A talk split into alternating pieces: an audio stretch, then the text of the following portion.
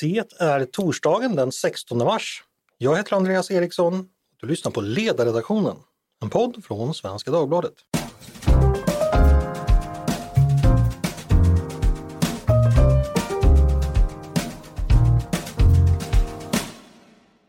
Varmt välkomna igen till oss.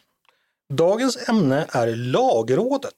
Den här institutionen som så ofta nämns i den politiska debatten men vars verksamhet och syfte kanske inte är helt klara för alla. Ni har säkert sett rubrikerna. Regeringen kör över Lagrådet. Regeringen måste lyssna på Lagrådet. Lagrådet kritiskt mot nytt förslag. De här rubrikerna känner ni säkert igen, men vad är det som döljer sig bakom dem? Det tänkte jag vi skulle lära oss mer om idag. Och till min hjälp har jag vid min sida Leif Gävert, eh, justitieråd och själv ledamot i Lagrådet. Välkommen hit Leif! Tackar! Och så har jag med mig Christer Östlund också från Svenskt Näringsliv som skrivit en rapport om hur regeringen har agerat på Lagrådets yttranden. Välkommen du också Christer! Tack för det! Då ska jag börja med dig Leif, för du ska vara vår ciceron och kunskapskälla som jag tänkte ösa ur. Eh, jag tänkte du ska lära mig att lyssna så mycket det bara går om Lagrådet under den tid vi har till förfogande. Och min första väldigt övergripande fråga, den lyder Varför har vi ett lagråd? Eh, ja, det regleras i regeringsformen och i en särskild lag och syftet är att eh, granska lagförslag från regeringen innan de eh, läggs fram för riksdagen. Granska dem, kvalitetsgranska dem kan man säga och hur de förhåller sig till övrig lagstiftning och även språkgranskning gör vi också av lagtext. Det är en slags eh, sista ledet i lagrådsarbetet, så att säga, kvalitetsgranskning om vi vill uttrycka det så, innan det läggs fram till riksdagen. Mm. Och eh, rent praktiskt, hur många, många människor sitter i lagrådet? Vi har två lagråd och det är reglerat eh, i lag då. Mm. Eh, och det går att ha flera lagråd när det kommer väldigt mycket lagrådsremisser, då kan man tillsätta fler. Men det normala är att vi har två lagråd och det är tre personer i varje lagråd. Två kommer ifrån Högsta domstolen och en ifrån eh, Högsta förvaltningsdomstolen i det ena lagrådet och tvärtom i det andra lagrådet. Och man kan även ha eh, pensionär, pensionär, pensionerade justitieråd från Högsta domstolen eller Högsta förvaltningsdomstolen också, men en måste vara ordinarie i tjänst.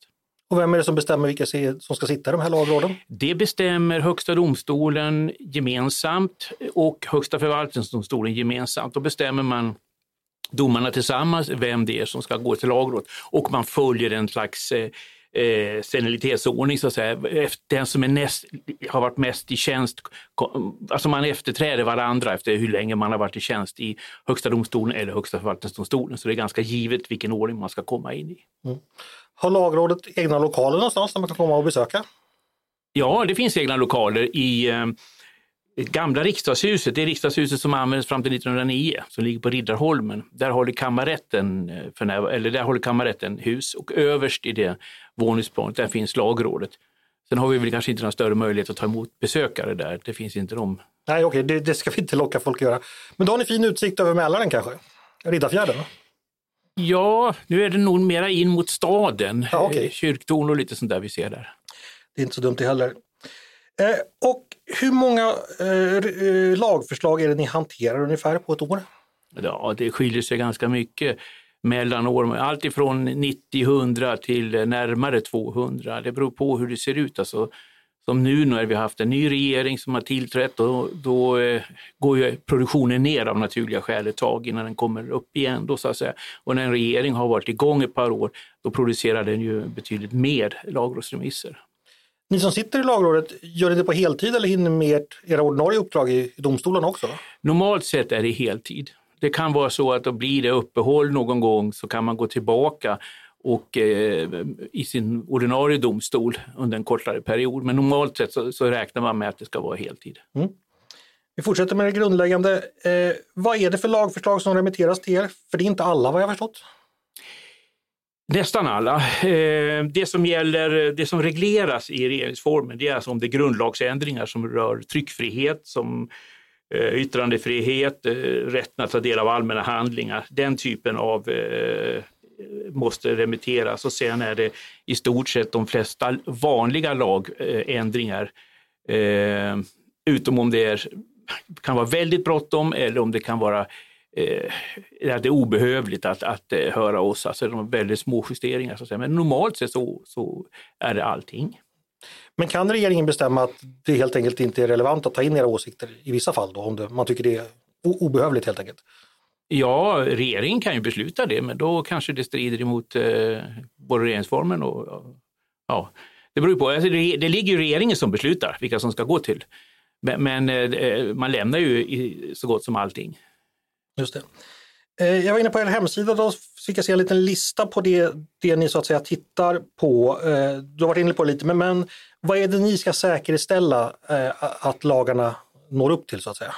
Ja, dels så ska vi se att de inte strider emot regeringsformen eller mot kanske en EU-förordning eller EU-fördraget. Och sen hur olika lagförslag förhåller sig till varandra.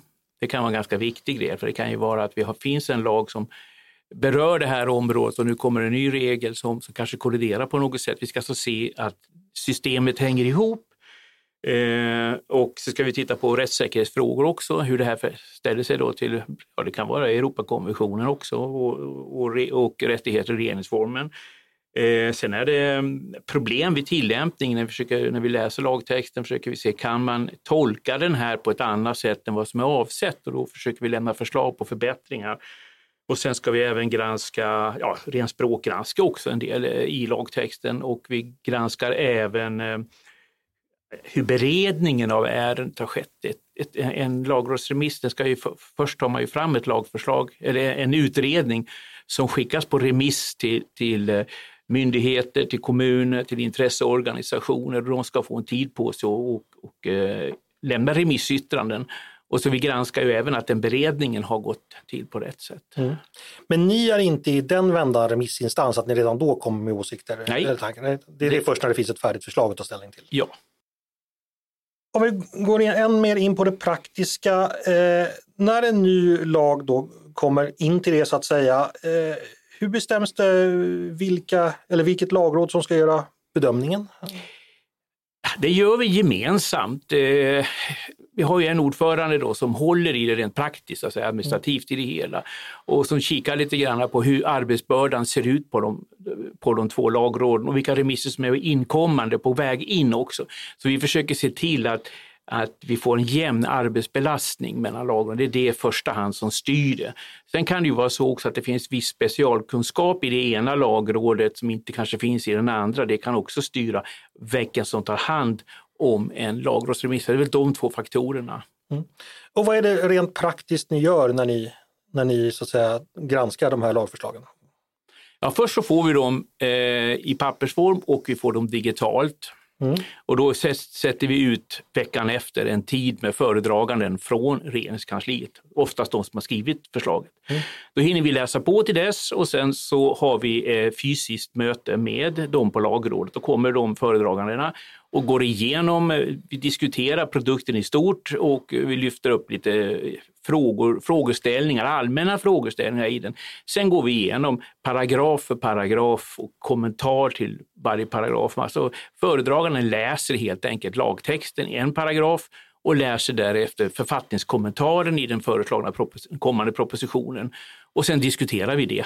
Mm. Eh, och så tar man bit för bit och när vi är klara så, vi, så skriver vi också ner anteckningar eh, Eh, och som vi skickar till, till, eh, tillbaka till, till regeringen eller till de här föredragarna eh, med frågor, ställningar och synpunkter så får vi svar på det. Det kan vara skrivfrågor, det kan vara frågor vi har som de vill, vi vill att de ska utveckla lite mer och när det är klart då skriver vi ett yttrande. Mm, okay. Så det är alltså inte bara så att ni tar er an en lagtext, läser den och skickar ett, mm, mm, skickar ett yttrande utan ni har även en dialog under tidens gång så att säga med de här tjänstemännen? Ja, eh, dels att vi har en del eh, eh, i, i själva här, motiveringen och i, i, inte kanske lagtexten utan övriga materialet där vi tycker att de här sakerna kanske skulle förklaras bättre eller det här borde ni kanske stryka, det här är förvillande eller det här borde ni formulera om på något sätt. Och då får vi också ofta en respons tillbaka att de gör som vi har föreslagit och så vidare. Och då, då kan vi släppa den frågan. Men sen det som gäller lagtext och mer principiella saker, det tar vi då med sen i ett yttrande. Mm. Och ett yttrande, eh, jag antar att det, det, skrivs gemensamt. Finns det några så att säga, Ja, hur går det till helt enkelt när ni skriver själva yttrandet, själva texten? Det kan gå till på olika sätt. Ibland om det kanske är ett väldigt kort yttrande så kanske man, vi är överens om vad vi vill ha sagt. Vi diskuterar ju då tillsammans, vi tre och lagråd. Och då kan det bli så att en får i uppdrag, så att säga, en som kanske eh, har, har mer tid just då. För de andra kanske, vi kanske, fort, vi kanske sitter med en del andra eh, gamla yttranden vi har jobbat med. Då kan ju en skriva ett förslag som vi sen går igenom. Är det ett långt yttrande då kan det vara så att vi delar upp det. Du skriver en bit och jag skriver en annan och sen så sätter vi ihop det här och sen så går vi igenom det tillsammans. Eh, så, men oavsett hur vi än jobbar, så innan vi, går igen, innan vi lämnar det, då har vi gått igenom det och vi har högläsning inför varandra också när vi går igenom det så att varenda kommatecken ska komma rätt. Mm. Händer det att ni skriver fel ibland? Ja, du menar stavfel? Ja, exempelvis, eller ett kommatecken som hamnar fel. ja, det kan det säkert göra. Eh, jag tänkte, om man då ska sitta i lagrådet, eh, ni är ju då framstående jurister allihopa. Vad, är det, vad behöver man kunna och veta för att vara en bra ledamot i lagrådet? Ja, man behöver ha, en, man behöver ha tillräckligt lång erfarenhet av, av eh, juridiskt arbete och domstolsarbete framför allt skulle jag tro. Nu är det ju så att nu är det reglerat att det är folk från eh, justitieråd från Högsta domstolen, Högsta förvaltningsdomstolen och pensionerade sådana som ska sitta i lagrådet. Man kan även ta in andra eh, lagfarna som det heter också. Men, men, tanken är väl att man ska vara van med att jobba med lagtext och det är man ju i domstol. Så att säga. Det, är väl, det är väl det som är baktanken med det. Utgår det något särskilt arvode för att man är med i lagrådet eller ingår det i ens ordinarie tjänst? Ja, det ingår i ordinarie tjänst. Det är bara de som är pensionärer naturligtvis som får ett arvode, men vi övriga har ju vår vanliga lön. Ja, okay. Vad är det svåraste i uppdraget skulle du säga? Ja, det kan väl vara när det är, dels när det är lagstiftning som eh, kolliderar, eller vad ska vi säga, som har beröringspunkter med många andra lagstiftningar på områden man kanske inte alls är... Vi är ju nog bara ändå tre i ett lagråd, så det finns ju många rättsområden som det kan vara att ingen av oss egentligen har jobbat med ett visst rättsområde. Då är det ju en inläsnings och inkörningsperiod där som eh, alltså ju mindre man kan om just ett rättsområde, desto svårare kan det vara att upptäcka problem. Och sen när det är kopplingar som kan vara kopplingar till olika EU-direktiv och sånt, då blir det, kan det bli ganska omfattande. Det är väl där svårigheten ibland kan ligga. Har ni tjänstemän som kan, eller något kansli som kan hjälpa er? Nej. Vad vi kan göra, det är att de som föredrar det här från regeringen, vi, de står till vårt förfogande så att eh, vi kan också be dem att ta fram en rättsutredning i något särskilt område om det är så vi, vi känner att det här hinner inte vi utan vi, vi vill att de ska fördjupa någonting åt oss. Hur lång tid tar varje ärende? Jag förstår att det varierar väldigt men kan du ge oss ett hum ungefär hur lång den här processen är? Eh, nej, det är som du säger, den varierar väldigt mycket. Det kan vara enklare saker som vi har en föredragning som kanske är färdig på en förmiddag Eh, och vid ja, en dag senare, kanske eller två, två dagar senare, så är vi klara med ett yttrande. Det kan ju vara så att vi kanske bara tillstyrker det. det var inte så, då är det inte så många timmar nedlagt. Sen kan det komma, som nyligen, så var det förra året, så var det ju en ny eh, mervärdesskattelag. Nu vet jag inte, det var ett andra lagrådet, jag tror de satt en 16-20 dagar med det. Så att det är, kan vara väldigt stor skillnad på det här. Är det vanligt att ni är oense om någonting under den här processen? Att ni behöver liksom nå enighet? Nej, men vi kan ju diskutera eh, en del formuleringar ganska mycket, så att säga, hur långt vi vill eh, gå med en kritik eller hur vi ska uppfatta det. Ehm, vi har, men ofta så, så enas vi ju på något sätt, eller vi enas ju i någon form av formulering. Till skillnad i en dom så måste det ju komma till ett slut. Antingen ska du bifalla eller avslå ett yrkande. Vi behöver ju inte göra det, utan när vi ibland kan tycka att vi, eh, alltså det är saker som vi tycker behöver beredas mer, det behöver utredas mer, då kan vi också stanna där med att peka på problemen och skriva att det här måste regeringen fortsätta att utreda djupare innan man kan komma med ett lagförslag. Eh, och på, på det är också ett sätt att enas. Eh, vi behöver liksom inte gå hela vägen alltid.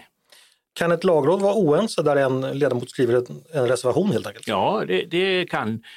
Det har inte skett under min tid, jag tror det har skett väldigt sällan under de sista decennierna. Eh, det var nog vanligare tidigare. Men, men det är, ofta så kommer man, eller man kommer överens om, om vilka ord, vilken, vilken valör man vill ha i, i, på yttrandet. Nu när du varit verksam i lagrådet ett tag, Är det någonting som under den här tiden har överraskat dig eller förvånat dig eh, jämfört med så att säga, vilka föreställningar du hade innan? Du, någonting du ja, inte hade tänkt dig helt enkelt? Nej, inte annat än att det var roligare än vad jag trodde. det var min nästa fråga, är det roligt att sitta i lagrådet? Ja, jag tycker det är intressant. Det, det är så mycket nya eh, områden man får se som man inte jobbar med annars på domstolen. Och eh, sen är det alltid inte kul att vara med i ett tidigt stad i en lagstiftningsprodukt. Annars på domstolen, nu när jag sitter i Högsta förvaltningsdomstolen, så är det ofta lagstiftning som har några år på nacken innan målen kommer upp till oss. Här är det ju liksom till och med innan det har hunnit bli en lagstiftning, så man kan ju vara med redan i det skedet och påverka så att det blir en bra produkt och det tycker jag är rätt kul. Mm. Om vi går vidare från dina egna erfarenheter och pratar lite mer eh, på ett samhällsperspektiv. Vad har vi som samhälle för nytta av lagrådet? Om vi sammanfattar det att det blir en bra lagstiftningsprodukt. Det är ju det som är vårt syfte. Att vi ska, vi ska helt enkelt, vi är som jag sa, vi är den sista kedjan i själva lagstiftningen, eller i, i princip den, den sista, riksdagen är kvar och, och utskotten naturligtvis kan göra justeringar. Men vi är ju på något sätt den sista granskande biten som, som eh, kan, för, kan förbättra ett lagförslag eller också eh, genom att vi, vi avstyrker så kanske då det görs om och blir eh, bättre på det viset. Så att på det viset så, så fyller lagrådet en funktion för allmänheten, att vi får eh, förhoppningsvis då bättre lagstiftningar och då blir det också klarare, mer förutsägbarhet för den enskilde, det blir mindre processer och ja, det är väl liksom lite av tanken. Mm. Och tvärtom då, om lagrådet inte fanns, skulle vi riskera att få sämre lagar då helt enkelt? Ja, det är i alla fall min uppfattning att det skulle helt klart göra eftersom det är många förbättringsförslag som vi föreslår och de flesta eh, accepterar ju regeringen och gör så. så då har, vi då, har de också tagit, dragit den slutsatsen att det blir bättre. För vi blir ju liksom, eh, vi granskar ju det här väldigt noga. Vissa produkter som kommer från regeringen, det beror ju på hur mycket arbete man har där och vilken typ av lagstiftning det är. En del har man jobbat väldigt noga med och en del har man kanske haft lite mer bråttom eller inte haft resurser att göra allting riktigt ordentligt och då, då tillför ju vi en hel del. En fråga, den kanske låter lite flummig, men, men finns det några rättsområden där det enligt din erfarenhet eller Lagrådets erfarenhet ofta det är svårare att skriva bra lagstiftning? Alltså där det, det är snårigare helt enkelt? Eh, man kan väl säga så här att inte kanske att det är svårare men att det blir lite sämre språkligt. Eh, det är ofta när man eh, införlivar direktiv från EU. De är översatta till svenska och de översättningarna är inte alltid så bra. De har ju gått fort. Mm.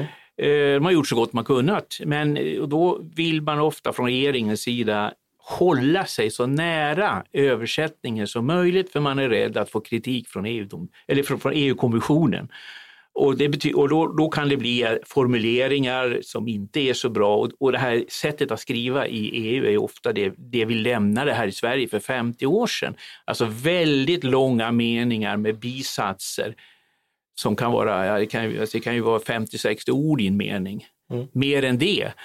Eh, och det blir svårläst för allmänheten. Vi har ju haft en vana här i Sverige att vi, lagar ska skrivas så att vanligt folk begriper dem. Och riktigt den traditionen finns inte i delar av Europa utan där är det här lite för, för jurister som ska läsa lagtext och inte vanligt folk. Mm. Och det är, en, det är en liten krock vi har där och då kan det vara svårt att eh, få med sig departementet på, på eh, vad vi tycker förbättrade språk, språklig utformning. Mm.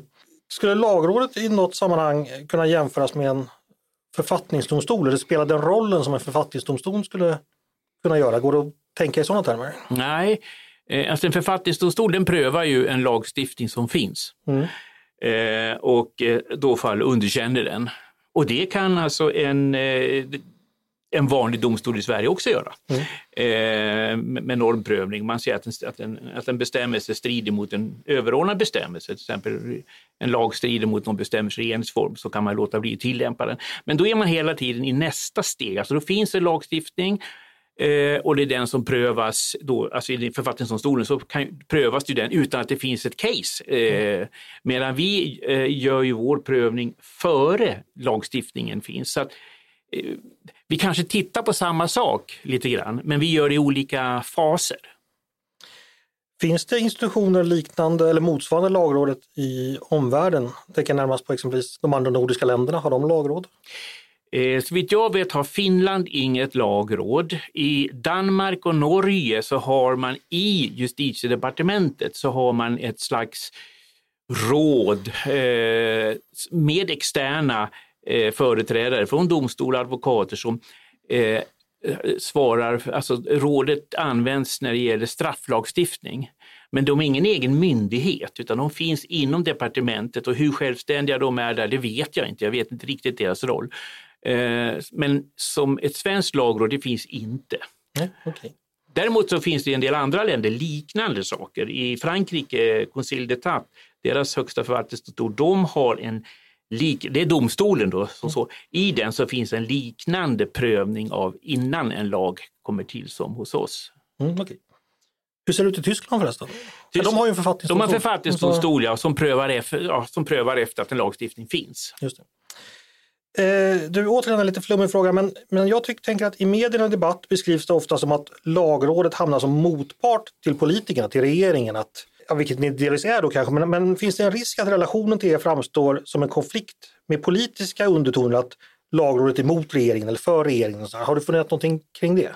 Ja, den risken, att det, att det framstår så, den, den risken finns ju, beror på hur media eh, rapporterar om lagrådets yttranden. Och, och, för vi ser ju inte det som en konflikt. Vi gör ju vårt jobb så att säga, oberoende av vad regeringen tänker och tycker och, och oavsett vilken regering det än är. Så att säga. Eh, men hur det uppfattas, det, det, det, det beror lite grann på hur det speglas i media. Mm. Nej, men det var det jag tänkte på, att i medierna, om du själv hade reflekterat över att ni ibland i medierna blåses upp på ett sätt som du, eller som ni inte riktigt känner er bekväma med. Men, men ni kanske inte sneglar så mycket på vad som står i tidningarna. Nej, det är klart vi läser väl kanske vad som står i tidningarna, men, men alltså det, eh, ja, det är väl, jag tror inte att någon av oss eh, bryr sig så mycket om egentligen vad som står i tidningarna eller vad, vad folk tycker och tänker. Vi gör ju vårt jobb och sen har vi gjort det, så det är klart. Det gör ni rätt i. Du, Lagrådet har funnits, om jag räknar rätt, i 114 år. Har eh, verksamheten förändrats på något påtagligt sätt under den perioden? Jag förstår att det har skett mycket hit och dit efter tidens olika moden och sådär, men finns det, kan man säga något, peka på någon större utvecklingslinje under den tiden? Ja, det kan man nog göra. Alltså, det här bildades ju då som sagt, som du säger, 114, 1909. Eh, för att det låg ju tidigare i Högsta domstolen mm. och så var det så mycket jobb eh, med övriga mål där så att, och, och samtidigt så bildade man dåvarande regeringsrätten. Då. Och eh, då separerade man ut det här och så gjorde man en särskild lag. Och Sen levde den väl sitt liv. Jag vet inte hur, hur mycket man, hur ofta man alltid frågade lagrådet, men det, det, det, det föregick ju på samma sätt som idag i någon omfattning. Men sen så fram på det var, var meningen att det, det, var en skyldighet att fråga lagrådet. Sen togs det här bort eh, på 70-talet. Eh, då ville man göra det eh, fakultativt, alltså man kan man frågar lagrådet, lite förenklat, man frågar lagrådet när regeringen har behov av det så att säga. Man ändrade man gjorde att det var inte, lika obliga, det var inte obligatoriskt längre att fråga lagrådet. Eh, sen ändrades det där igen då från 2003 tror jag det var, början på 2000-talet i alla fall. Man ändrade man den här nya lagrådsrollen som kom och så ändrade man senare, 2010 kanske det var, i regeringsformen. Mm. Och därefter har det blivit obligatoriskt i, i de flesta fallen. Mm, okay. Så det, det, är den skillnaden som, som har skett. Mm. Du, eh, finns det något du skulle vilja lägga till eh, eller så här, finns det några missförstånd kring lagrådets arbete som du tycker du stöter på ibland eh, bland ja, oss vanligt folk eller i medierna så här, som du skulle vilja reda ut? Eller, eller har vi en korrekt bild tror du? Jag har ingen aning vilken bild folk i allmänhet eller media har av lagrådet. Jag tror att, jag tror att det är ganska diffust för många mm. vilken, var någonstans i rättskedjan lagrådet finns och, och förhåller sig och vad vad vår, vårt uppdrag är då så att säga. Eh, att, nej, jag vet inte om det är någon särskild missuppfattning. Mm. Jättebra. Är det någonting du skulle lägga till som du tycker är viktigt att behålla i minnet som inte mina frågor har hunnit fånga? Nej, jag tror inte det. Nej, det var bra. Stort tack Leif. Eh, då går vi så länge över till min nästa gäst, Christer Östlund. Eh, som då som jag sa i början har sammanställt en rapport om hur lagrådets yttranden behandlas av regeringen. Och den rapporten heter Lagrådet, motvikt eller rundningsmärke. En granskning av Lagrådets yttrande 2006 till 2022. Christer, du har alltså läst alla yttranden från dessa 16 år, över 2000 stycken. Ja, eh, jag har, vi har gått igenom de här yttrandena. Kort om jag bara ska beskriva den metod som vi har använt så vi har tagit fram ett antal eh, ord eh, för att eh, spåra i, i yttranden om huruvida de förekommer och det, det handlar om ord som uttrycker kritik på något sätt eller där lagrådet anser att något är oacceptabelt. Och sen har vi med den här katalogen av, av ord så har vi sorterat fram då de yttrandena där, där de här förekommer. Och sen har vi gått vidare då och tittat i den gruppen. Eh, vad, vad, hur kommer det sig att lagrådet har uttryckt sig på, på det sättet? Är det så att det ger uttryck för lagrådets egen uppfattning eller hänvisar man till eh, någon annan? Och, och så har vi då fått fram en, ett ganska stort antal yttranden där lagrådet ändå har uttryckt någon form av kritik. Och sen då i det tredje steget så har vi då eh, återigen gått igenom den gruppen av yttranden för att se i vilken utsträckning är den här kritiken att, att, att, eh, att anses som, som allvarlig eller avgörande där lagrådet helt enkelt avstyrker ett lagförslag. Mm. Så det är metoden bakom den här undersökningen. Och syftet, hur kommer det sig att Svenskt Näringsliv ger sig på en sån här sak? Vad, vad vill ni ha reda på så att säga? Man kan väl kort säga att, att, eh, eh, för att eh, referera tillbaka till det som, som Leif sa här, då, det, det handlar ju egentligen om, i, i grunden handlar det om en god kvalitet i lagstiftningen. Och utifrån företagens perspektiv så är det ju naturligtvis så att om lagarna är enkla att förstå, om myndigheterna inte minst har, har lätt eller enkelt att, att så här, tolka och tillämpa reglerna så blir det en förutsägbarhet som är väldigt viktig för företagen när de ska planera sin verksamhet, planera eh, investeringar och tillväxt. Så det här är en, det är en, det är en viktig sak för företagen i Sverige. Mm. Och vad blev då resultatet av, av er undersökning? Ja, vi har ju som sagt tittat på över 2000 yttranden och, och vi kan ju se att eh, totalt sett av dem då så innehåller eh, närmare en fjärdedel av yttrandena någon form av kritik som uttrycks av lagrådet. Mm, Okej, okay. och så har ni också tittat eh, väl också på hur regeringen har hanterat det här? Ja, vi har, vi har gått vidare och, och kikat framförallt på de yttrandena som har direkt bäring på lagstiftning som påverkar företagen. Och, mm kikat på hur, vad, vad hände efter det att lagrådet har, har eh, lämnat sitt yttrande. Mm. Och vad, vad visade det då? Ja, eh, alltså slutsatsen är ju precis som vi var inne på tidigare då att i de allra flesta fall så hörsammar ju regeringen lagrådets eh, synpunkter och kritik. Men det finns ju också fall där man väljer att inte göra det utan man går vidare med sin produkt till riksdagen. Mm. Svaret på frågan i rubriken då, motvikt eller rundningsverke? Vad, hur lyder det? ja, det, det, är ju det är en fråga som jag hoppas eh, fler än vi nu ska, ska diskutera med anledning av bland annat den här rapporten. Man kan väl säga så här att, att eh, eh, mycket av den kritik och de synpunkter som lagrådet lyfter fram, de tas om hand och de tas om hand på ett bra sätt. Så, så tillvida så, så är det ju en, en, en motvikt eller en kvalitetsgranskare. Men så finns det som sagt fall där där, där det blir mer av inslag av, av rundningsmärke. Och det finns ju skäl till det naturligtvis, att det ser ut på det sättet. Men vi tycker som sagt att de här frågorna är så pass viktiga, de är så pass fundamentala, så att vi hoppas ju att, att vi ska kunna få en diskussion kring det här nu. Mm.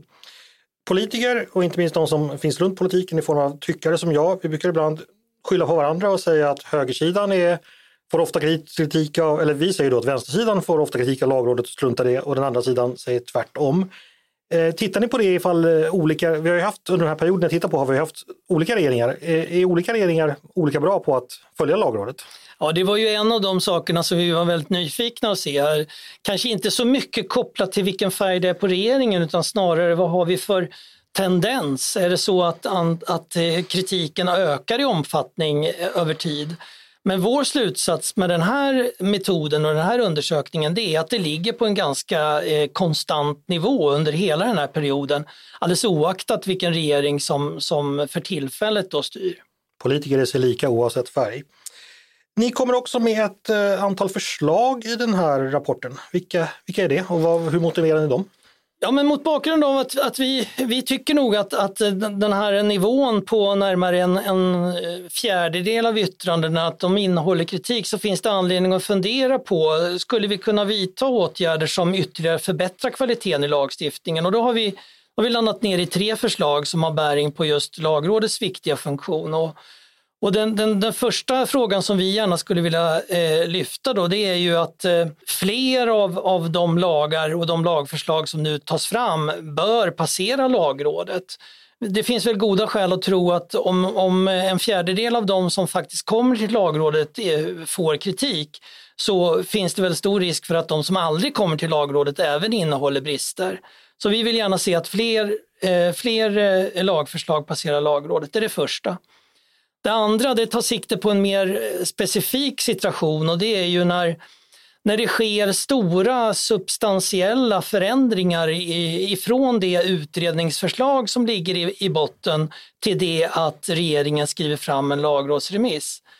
Eh, då tycker vi att man bör eh, eh, få möjlighet att ta fram en, en ny konsekvensutredning på det här nya förslaget som regeringen lägger fram eller det förändrade förslaget. Och det sker alltså inte idag och det tror vi också skulle kunna underlätta för, för lagrådet i deras arbete.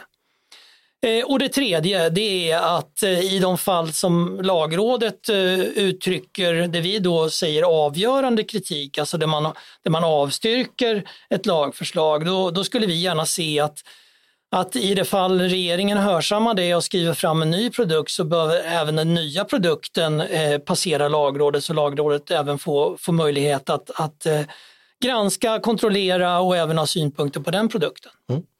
Det låter som ni vill eh, öka Leif och det övriga lagrådets arbetsbörda en del.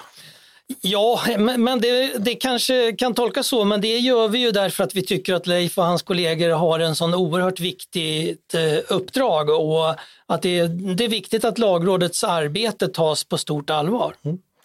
Eh, slutligen, har ni hunnit få några reaktioner på den här rapporten? Ja, men den, den, har ju kommenterats en del och eh, vi, som jag sa inledningsvis, vi hoppas ju att eh, vi ska kunna få fler aktörer som är intresserade av de här frågorna att, att faktiskt delta i den här diskussionen som vi, vi, vi försöker få igång nu. Mm. Det låter väl alldeles utmärkt. Kanske någon av er som lyssnar på det här vill sätta igång och delta i diskussionen också. Hörni, vad bra, då har vi lärt oss lite mer om eh, lagrådet idag tycker jag. Eh, stort tack eh, Leif Grävert, justitieråd och eh, ledamot av lagrådet för att du kom hit. Tack så mycket. Mm, tackar, tackar. Och tack Christer Östlund som för Svenskt Näringslivs räkning alltså har tittat lite på, närmare på hur politikerna förhållit sig till lagrådets yttranden. Tack så mycket för att du kom hit. Mm, tack för det. Och tack förstås också till er som har lyssnat idag på Ledarredaktionen, en podd från Svenska Dagbladet. Ni är varmt välkomna att höra över till oss på redaktionen med tankar och synpunkter på det vi precis har diskuterat. Ni kanske har era egna lagrådsförslag eh, eller också om ni har idéer och förslag på saker vi ska ta upp i framtiden. Då är det bara att mejla till ledarsidan svd.se. Dagens producent, han heter Jesper Sandström. Jag, jag heter Andreas Eriksson och jag hoppas att vi hörs igen snart.